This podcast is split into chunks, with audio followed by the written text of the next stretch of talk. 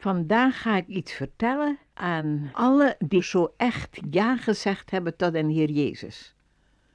De boodschap is voor iedereen hoor, maar bijzonder voor die mensen. Hij kwam in uw leven en in uw hart. En weet u dat dat zo gewichtig is, want u bent zo geweldig veel waard in Gods ogen zoveel waard dat de engelen zich verheugden over uw antwoord. De Bijbel spreekt van een komen van duisternis in het licht. En inderdaad geeft de Heer Jezus vrede die alle verstand te boven gaat. De Heer noemt zoiets een bekering, een wedergeboorte. Lees het maar in het gesprek met Nicodemus in Johannes 3. Ja, het woord bekering het is zo duidelijk en zo'n goed woord. Het betekent een 180% ommekeer. Oorspronkelijk leven we van God af, ook zelfs als we heel fatsoenlijk leven. Toen u de Heer Jezus hebt aangenomen, toen draaide u zich om en nu leeft u naar God toe. Maar u bent als het ware nog maar een baby een wederom geboren baby. Dit is een begin. Een baby heeft voedsel en zorg en liefde nodig.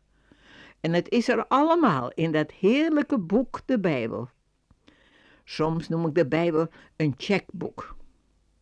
Alle, ja heus, alle beloften in de Bijbel zijn nu voor u checks geschreven op uw naam en getekend door Jezus.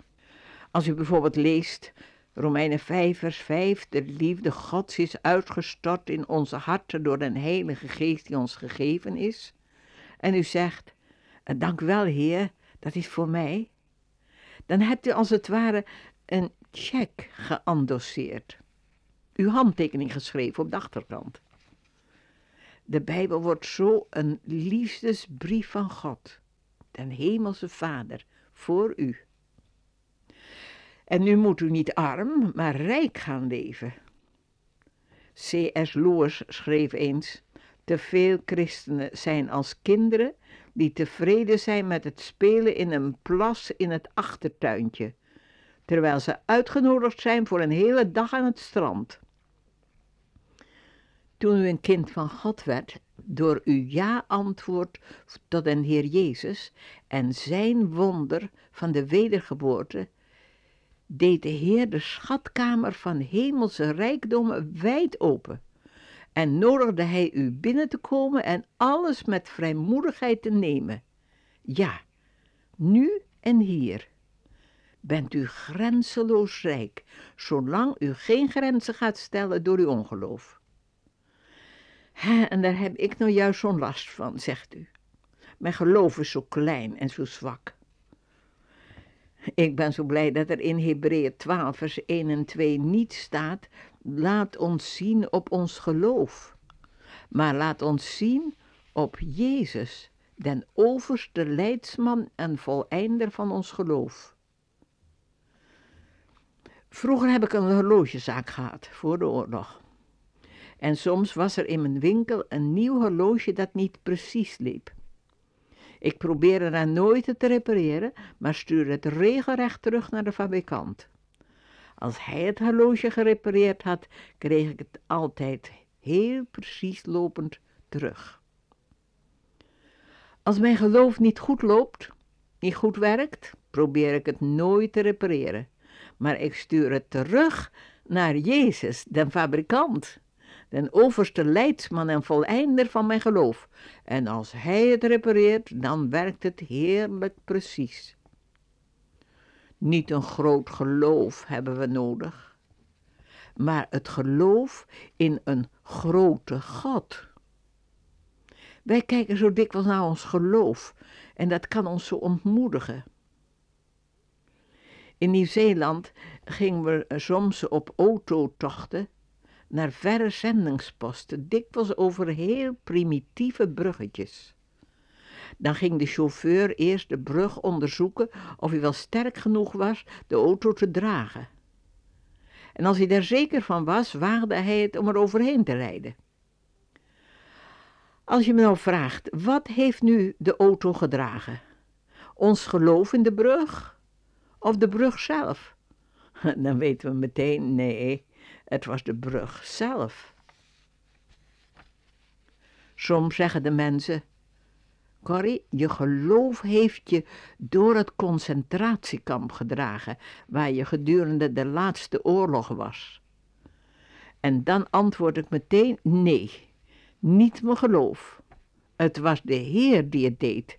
Hij zelf maakte mijn geloof sterk door zijn Heilige Geest, die het geloof in ons hart werkt.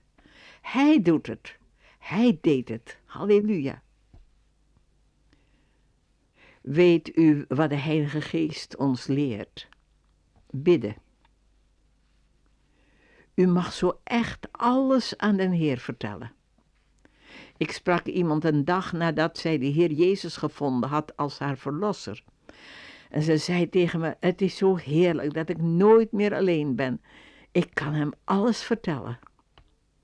Het heerlijke van bidden is dat je komt uit de omgeving van het niet kunnen in de omgeving van Gods alles kunnen. Hij specialiseert in het onmogelijke. Er is niets te groot voor Zijn almacht, niets te klein voor Zijn liefde. Ik leerde dat zo duidelijk toen ik in die moeilijke klas van Gods school was, in een gevangenis, tijdens de laatste wereldoorlog, waar mijn familie, mijn vrienden en ik Joden gered hadden en in concentratiekampen gevangen waren gezet. Ik was een paar weken in het concentratiekamp en toen zei ik tegen Betsy, mijn zuster: Wat moet ik doen? Ik ben verkouden. Ik heb geen zakdoek. Bidden, zei ze. En ik lachte. Maar zij vouwde haar handen en bad: Vader, in Jezus' naam bid ik u, wilt u Corrie een zakdoek geven? Ze is verkouden. Amen. Ja, ik lachte weer. Maar weet u wat er gebeurde? Ik hoorde mijn naam roepen.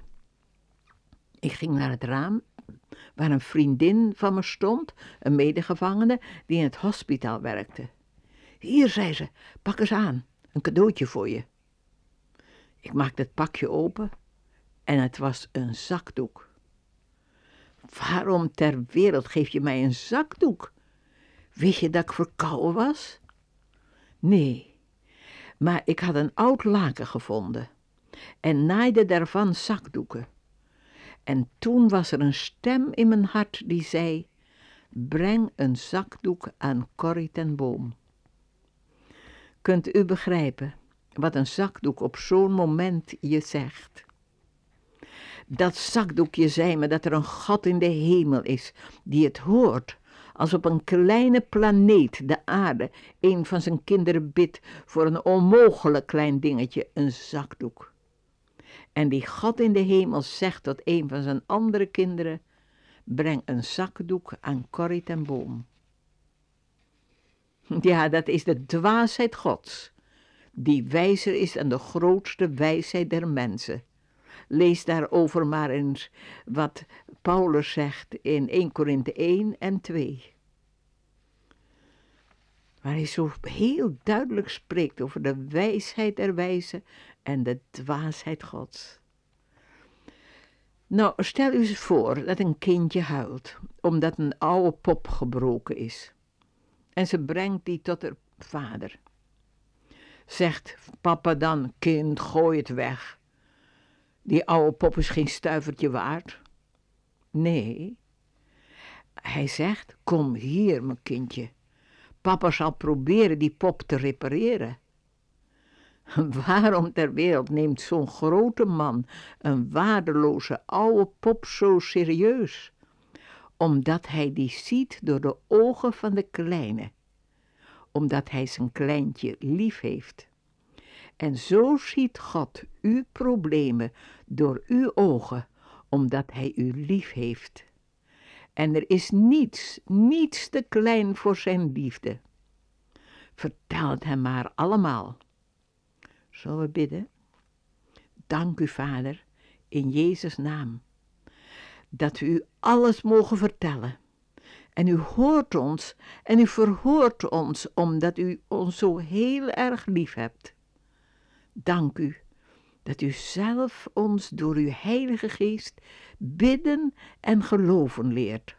Halleluja, wat een heiland. Amen.